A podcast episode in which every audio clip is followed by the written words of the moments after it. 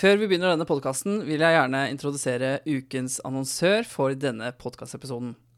ASAP Norge er et norsk selskap som er i samarbeid med helse- og omsorgsbransjen, og de har laget neste generasjons oppdekningsutstyr til sengeposter, bord, bårer og der hvor det er særlig behov for eh, søl- og væskeproblematikk. Det er norske Astrid som har utviklet dette. De holder til i Skien, og hun har tidligere vært hjelpepleier, jobbet mange år på føden og så seg lei av unødvendig søl. Så hun bestemte seg for å lage et absorberende eh, laken med høy effekt og som tåler tunge løft. Asap sine laken tåler 10 liter per kvadratmeter og har en løftestyrke opp til 200 kg. Og nå tenker jeg at det er eh, slutt på bomullslaken, ja, dere.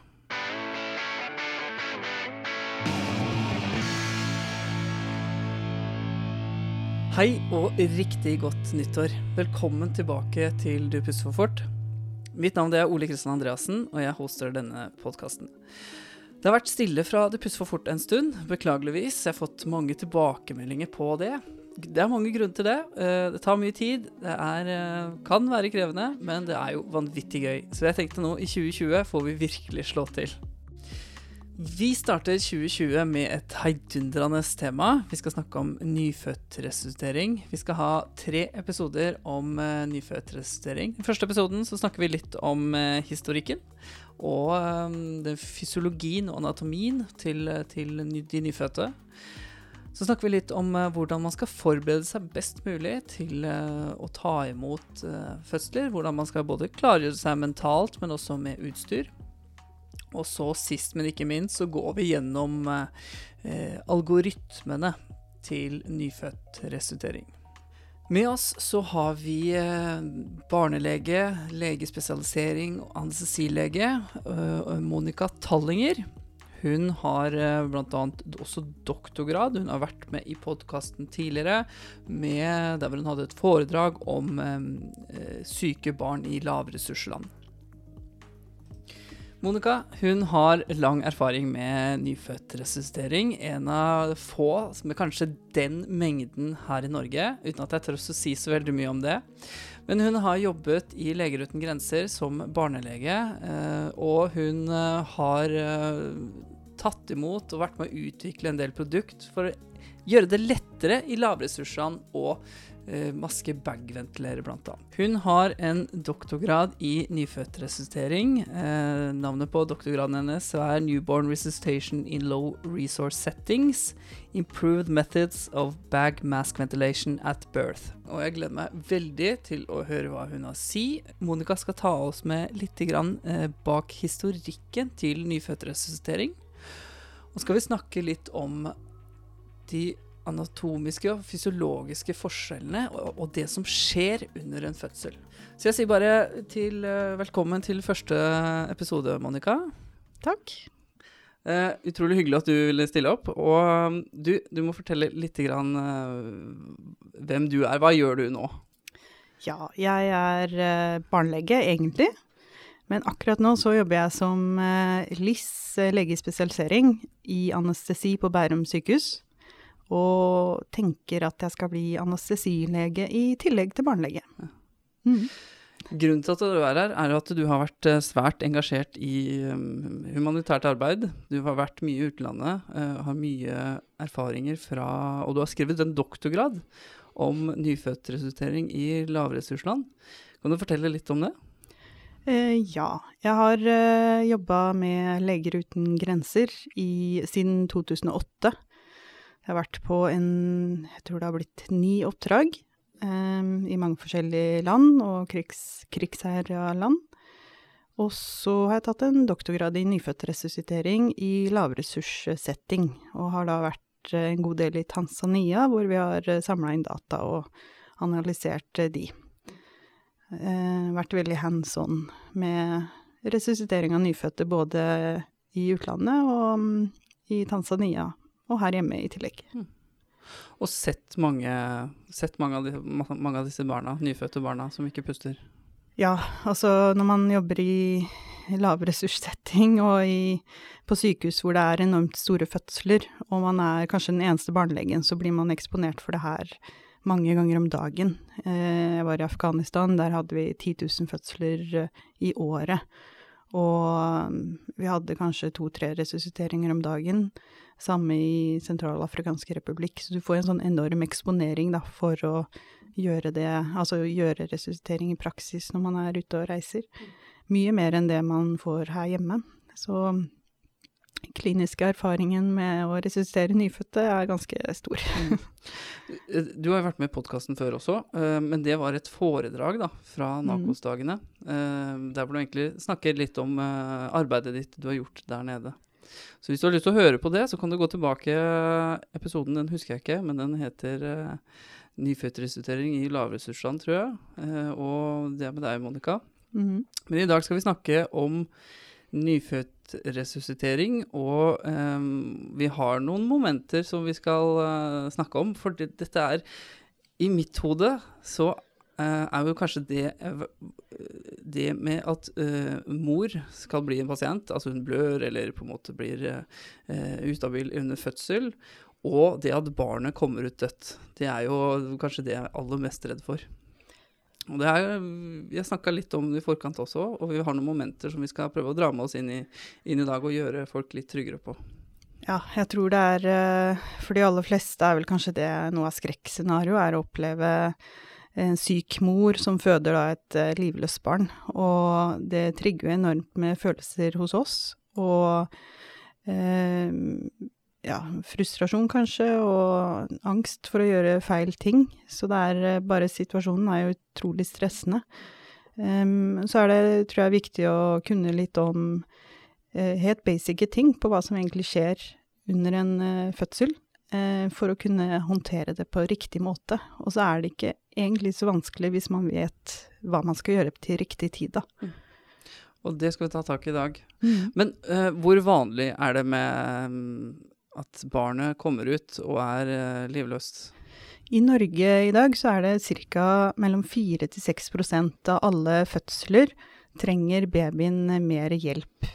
Eh, så er det nærmere 4 hvor babyene trenger maske-bag-ventilering, og eh, ja, opp mot 6-10 hvor de trenger stimulering og på en måte tørking og litt mer sånn hjelp til å komme i gang, da. Mm. Men det er ca. 4% av alle fødsler som eh, vil trenge maskebagventilering i Norge. Så det er ikke en stor prosentandel, Nei. men det er, eh, det er noe, man, noe vi er redd for.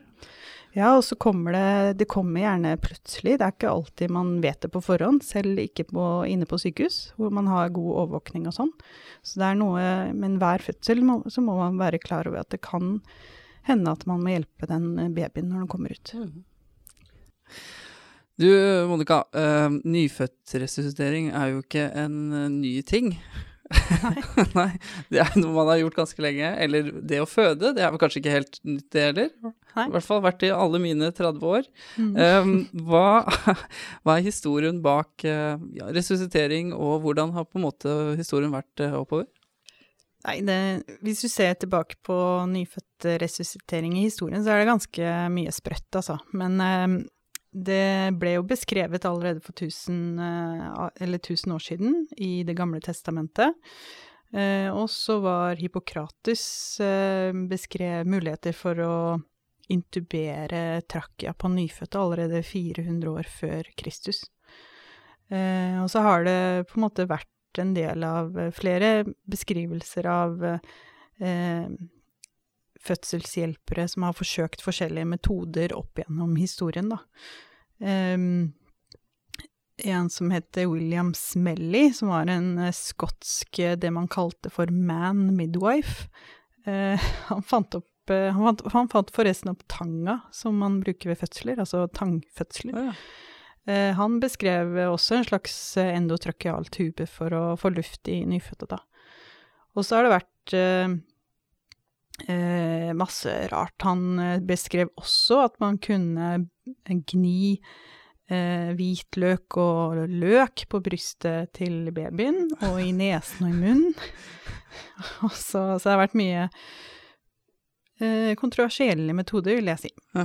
I 1754 så var det en som heter Benjamin Pugh, som kom med munn-til-munn-metoden. Og den har jo vært uh, brukt uh, noe opp til i dag, og er jo veldig effektivt. Um, og så ja, så har det vært mye sånn bisarre ting, men faktisk en del metoder som for eksempel å dyppe, nei, å dyppe nyfødte i isvann har fulgt oss helt fram til 70-tallet, faktisk. Ja. Um, så det var først i etterkrigstida, på 1950-tallet, hvor det begynte å skje masse på resusciteringsfronten generelt. Og da var det en dansk anestesilege som utvikla maskebagen eh, for første gang i 1954. Eh, og da Det er jo den vi bruker i voksenresuscitering, nesten helt lik. Og den er jo blitt adaptert til nyfødte. Eh, det som er litt interessant, er at den, den har på en måte bare blitt lagd en litt mindre versjon. Men det er jo ingen vitenskapelig Det er ikke egentlig noe vitenskap bak den, hvis man ser på om den er effektivt. Så vi bruker en device som ikke er så veldig godt uh, vitenskapelig bevist uh, effektiviteten av, da.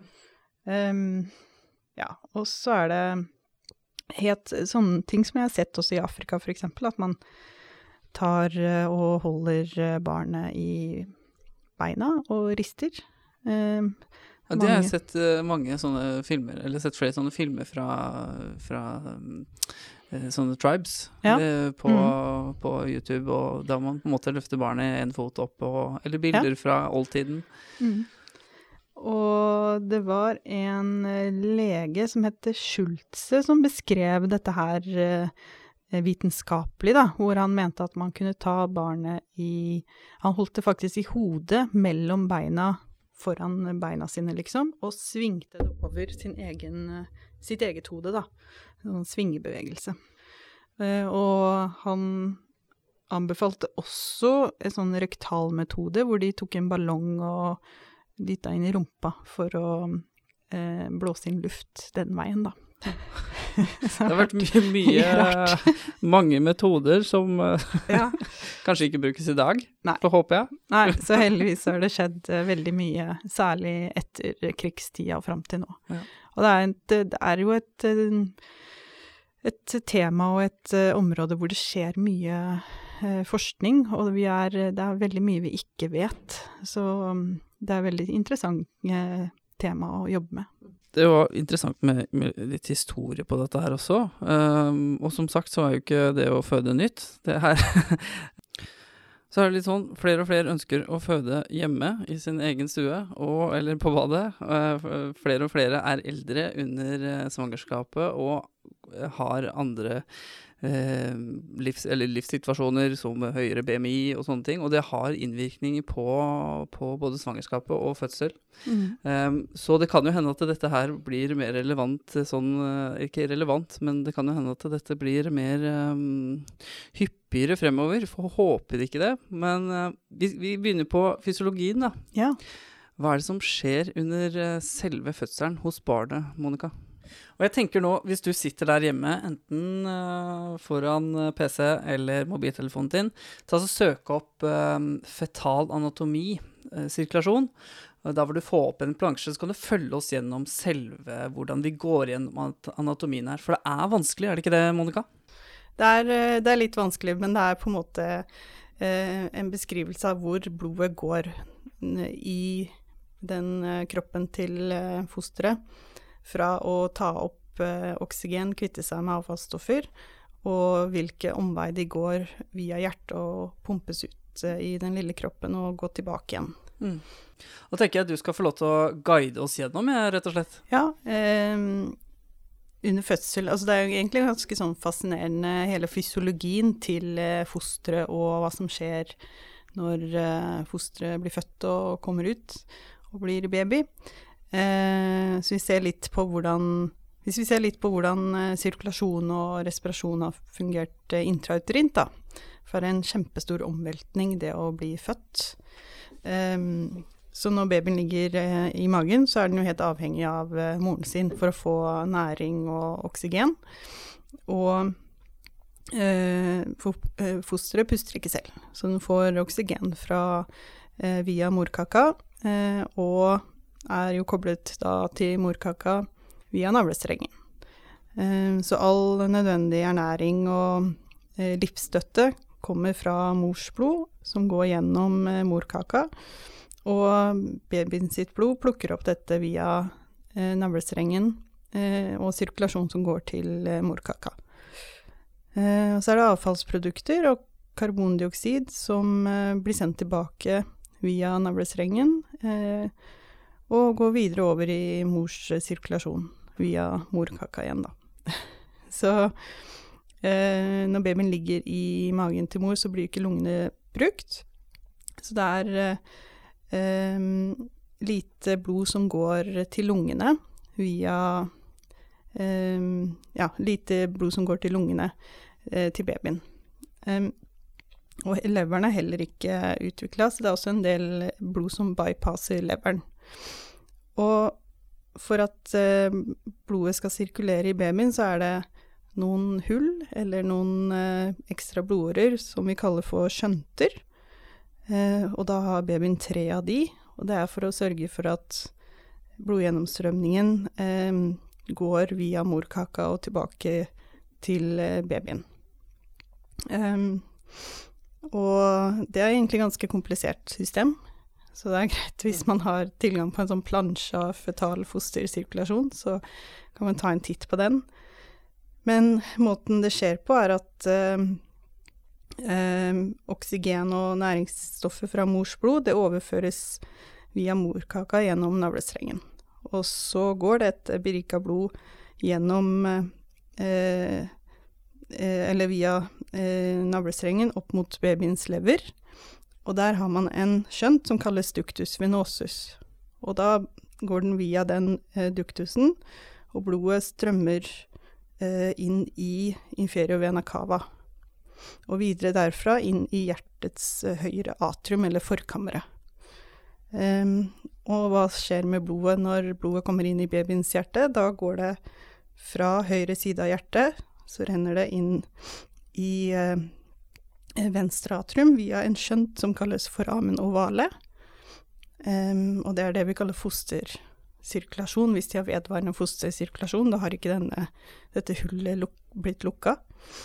Uh, og fra venstre atrium så går blodet videre ned i venstre ventrikkel, hovedkammer. Og derfra så pumpes det inn i første delen av det store arterien, som eh, går via hjertet, altså aorta. Fra aorta så går det eh, oksygenrike blodet til hjernen, og så går det inn til selve hjertemuskelen. Og så blir blodet sendt til underkroppen. Um, og da når blod kommer tilbake til hjertet fra fosterkroppen via det venøse systemet, så inneholder det jo avfallsstoffer sånn som karbondioksid. Eh, og da kommer det inn i høyre atrium, eh, og da strømmer det ned i høyre ventrikkel. Og normalt sett så ville dette bli sendt til lungene for å få oksygen. Men fordi de ikke bruker lungene sine noe særlig, og det er bare ca. 20 eh, sirkulasjon som går til lungene, så går eh, dette blodet via ductus arteriosus inn i aorta, eh, som er kobla på navlestrengen, og føres videre da tilbake til morkaka. Så eh, det er litt komplisert. Det er en del ekstra omveier. Eh, og så er det disse her eh, hullene eller ekstra blodårene som skal lukkes da, når babyen trekker sitt pust.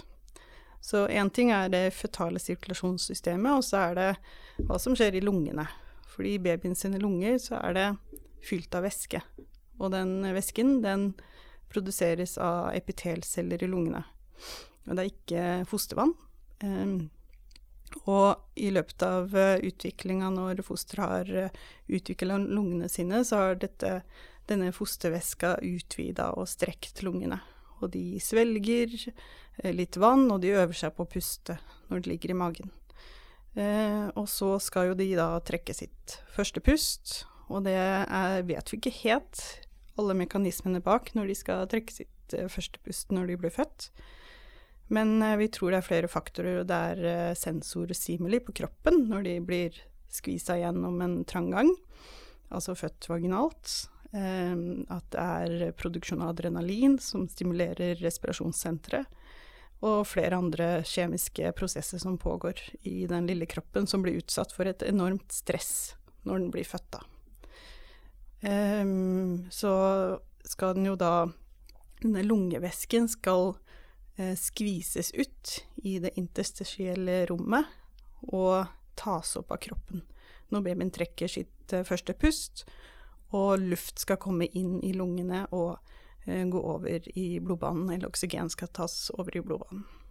Så det er på en måte to store prosesser som, som, skjer under en fødsel. Det er det at lungene skal kvitte seg med lungevæsken, og så er det en enorm endring av sirkulasjon fra å ligge eh, i magen, avhengig av mors sirkulasjon, få opptak av oksygen og kvitte seg med avfallsstoffer.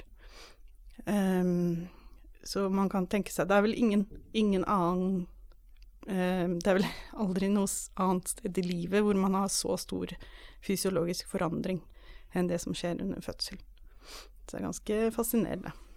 Og dette her er jo en ekstremt uh, komplisert fysiologi. Um, når det da går noe galt, hva skjer, uh, hva skjer da? Ja, det er jo mye som kan gå galt under en fødsel. Um, og det er det kan være f.eks. at uh, navlestrengen eh, er uh, vikla rundt halsen. Det kan være at morkaka løsner. Det kan være infeksjon hos både mor og fosteret. Um, så det er mange ting som kan gå galt. Og da, når babyen blir født, da så er det Blir det uh, feil i fysiologien, holdt jeg på å si. Så da ser man f.eks. ved asfyksi, som defineres som mangel på oksygen, eller at blir, babyen blir eh, sur, har hatt for lite tilførsel av oksygen før, under eller rett etter fødsel, um, så er det vanlig at da babyen ikke puster når den kommer ut, da. Og da må man ha det i bakhodet, hva som egentlig er fysiologien, fordi å gjenopplive disse barna er jo helt annerledes enn å gjenopplive både en litt større barn og voksen. Eh, nettopp av at de fortsatt har eh, væske igjen i lungene sine, og sirkulasjonen eh, fungerer på en litt annen måte. Så det som Når, når nyfødte blir født og trekker sitt første pust, så skal den jo åpne lungene sine. Og klarer å gjøre det vanligvis, og da flommer det blod til eh, lungene, og det blodet skal plukke opp oksygen. Men hvis ikke eh, babyen har trukket sitt første pust, så er det fortsatt væske igjen i lungene. Og det må man på en måte skvise ut. Man klarer ikke å suge det opp eller få det bort på en annen måte. Eh, men det må skvises ut når man starter å begynne å bagge babyen. Og vi vet at eh, hvis de er veldig hypoksiske, eh, så blir de bradykarde. Altså de får lav puls. Um, og under resuscitering så er det å se på økning av puls en veldig god indikator på om man, om man får luft i barnet, da. Så, så, ja, fysiologien og hva som kan gå galt med fysiologien, har på en måte innvirkning på hvordan man håndterer situasjonen. Og man skal kunne litt, eller det er fint å kunne litt om om det, fordi det guider Og Monica, i neste episode skal vi ta for oss eh, resuscitering av de nyfødte. Det blir skillsene, rett og slett. Hvorfor gjør vi som vi gjør? Eh, hvorfor er HLR-plakaten sånn som den er? Mm. Vi skal ta for oss eh, Det fins to forskjellige HLR-plakater på Norsk resusciteringsråd sine nettsider. Vi har valgt å ta for oss resuscitering av nyfødte inhospitalt. Grunnen til det er at det er litt forskjellig praksis hva som gjøres. Eh, noen steder så bruker man den prehospitale mm, veilederen, og eh, noen steder så bruker man den inhospitale. Den inhospitale den er en del flere elementer på, og skaper kanskje litt større diskusjonstema. Så derfor har vi valgt å ta for oss den. Men sånn til slutt, da. Dette var jo et enormt stort tema. veldig, veldig vanskelig. Um, vi har fått tipsene om å bli, se gjennom uh, fetal sirkulasjon. Det er jo mulig. Uh, har du noen andre tips til hvordan man kan tilegne seg kunnskap på dette her, og kanskje skjønne noe mer? Ja, det fins noen gode uh, YouTube-videoer faktisk om det her, som viser det med tegning og video på en veldig enkel måte. Så, og de varer bare en fem minutter eller noe sånt. Så det går an å se på Eh, eh, YouTube-videoer, faktisk. kan vi gjøre en liten innsats, eh, sjekke gjennom litt, og så prøve å legge med noen videoer til i notatene her hvor du hører på podkasten din. da. Ja. Tusen takk for at du stilte opp på dette her, og så høres vi også i neste episode, Monica. Da skal vi snakke kort om hvordan vi skal eh, forberede oss, både mentalt og eh, hvordan vi skal forberede oss praktisk. Det blir en eh, kort, men eh, spennende episode. Så da snakkes vi da. Takk for nå. Takk for nå.